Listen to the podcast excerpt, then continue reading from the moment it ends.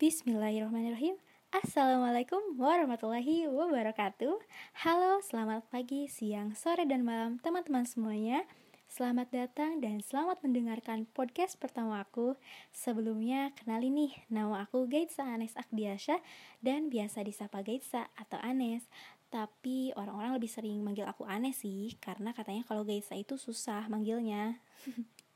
Ya terserah sih kalau kalian mau manggil aku Gaitsa atau Anes Aku boleh-boleh aja Nah, aku seorang mahasiswi nih di program studi komunikasi di IPB University of Vocational Studies dan baru menempuh semester pertama di kuliah aku. Jadi, podcast ini pun merupakan pemenuhan tugas mata kuliah teknik wawancara sebagai proyek akhir di semester 1. Wah, udah akhir semester 1 aja nih. Kayaknya baru kemarin deh aku masuk, ke kerasa banget. Alhamdulillah, tapi asik banget kan tugasnya? Pastinya dong, komunikasi. Oh iya, gimana nih kabarnya belajar online di rumah aja? Udah jenuh? Udah bosen? Hmm, pasti sih. Sabar ya, karena yang ngalamin bukan kamu aja kok, tapi seluruh dunia lagi sama-sama berjuang. Semua pasti berharap pandemi ini cepat berakhir dan aku juga udah gak sabar banget sih buat ketemu teman-teman kuliah aku yang semenjak kemarin tuh cuman ketemu via Zoom dan Google Meet aja, itu pun kalau presentasi.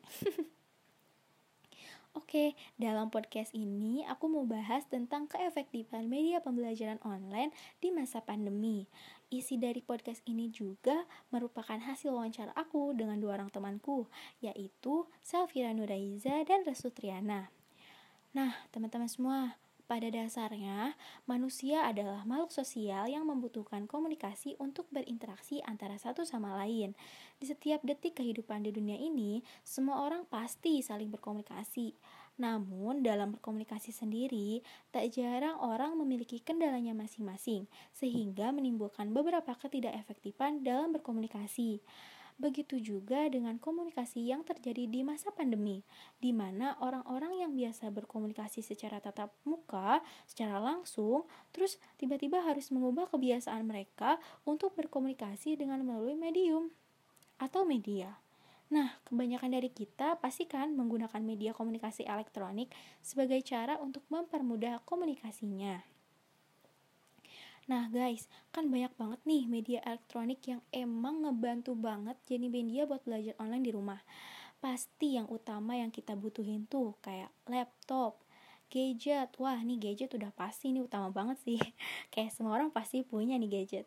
Terus kayak iPad dan lain sebagainya yang pasti ini menunjang untuk kita belajar di rumah karena hadirnya media elektronik ini pastinya nggak akan maksimal nih teman-teman fungsinya tanpa didukung dengan adanya aplikasi-aplikasi penunjang dalam membantu proses belajar kalau di masa pandemi ini yang paling populer tuh pastinya aplikasi Zoom, Google Meet, juga Google Classroom.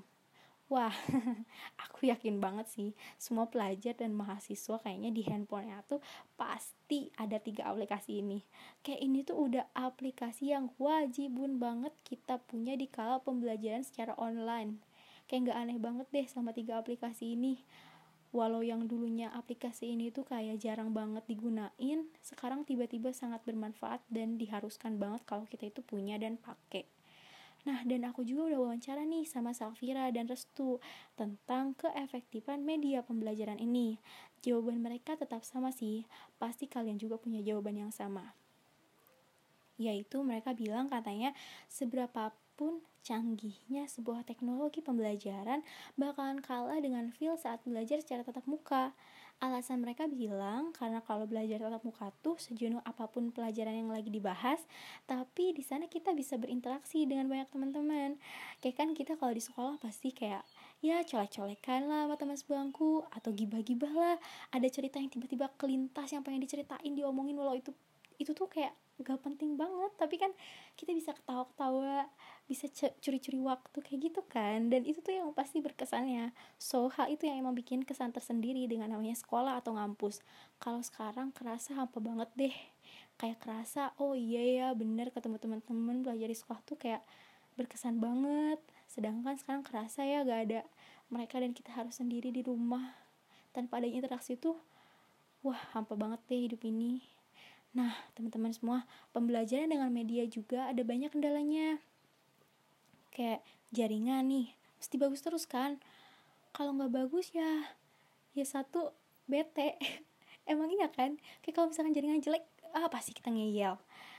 Kayak ya jaringannya jelek, udah males kayak gitu kan. Terus kendala yang lainnya yaitu kuota pastinya sih kalau misalkan kuota internet tuh yang harus kita harus punya banyak. Karena aplikasi yang ada di handphone kita ini apalagi yang menunjang buat pembelajaran online butuh kuota yang banyak saat digunakan. Kerasa banget kan sama kalian? Yang pasti dan kendala kuota itu adalah biaya untuk membeli kuotanya. Yang pasti nggak sedikit kan teman-teman semua? Nah, selain itu ada juga fasilitas kayak gadget atau laptop yang menunjang Nah, menunjang di sini tuh kayak misalkan kita gak punya handphone dengan spek yang udah setara dengan HP zaman sekarang. HP kita masih pakai yang jadul. Ya, bukan jadul-jadul banget sih, tapi kayak HP kita tuh yang yang biasa-biasa aja. Nggak yang secanggih zaman sekarang gitu yang biasa kita pakai ya cuma buat WhatsApp dan media sosial lainnya gitu. Kan gak bisa ya buat proses pembelajaran itu dilakukan secara maksimal. Jadi itu tuh berpengaruh banget, guys. Nah, aku juga ngerasain kok perihal hal itu. Nih ya, HP aku tuh kendalanya kadang penyimpanannya penuh. Sedangkan tugas aku butuh banyak banget aplikasi yang menunjang program studi aku. Kayak aplikasi editing video, poster, foto, dan lain sebagainya. Aplikasinya tuh punya skala penyimpanan yang cukup besar banget dan berat di handphone. Jadi kayak bisa HP tuh ngelag, panas, baterainya cepet habis. Kayak gitu-gitu deh Nah, kan biasanya kalau kita ngampus, semua fasilitas itu udah disediakan di sana. Ada lab-lab yang menunjang buat kita ngerjain tugas itu secara maksimal. Begitu juga tugas podcast ini loh teman-teman, yang biasanya wawancara melalui siaran radio, tapi harus digantikan dengan alternatif lain yang masih mirip. Alhasil, podcast lah jadinya tugas project akhir ini aku juga paling kesel banget nih masalah jaringan sama kuota. Sering banget kita lagi belajar online, tiba-tiba jaringan terputus atau karena kuota habis. Masih mending ya yang di rumahnya pasang wifi. Coba teman-teman lain yang gak punya wifi. Kan gak semua orang berkecukupan untuk pasang wifi. Bahkan yang pakai wifi, wifi pun kalau mati lampu dan gak sempat beli kuota, bakalan sama-sama kewalahan. Kalau zaman aku di sekolah sih, kalau mati lampu paling gak jadi presentasi kalau proyektornya gak nyala atau sekedar kipas angin mati jadi kegerahan dan gak bisa charger handphone tapi masih tetap enjoy aja dan gak jadi kesel sendiri.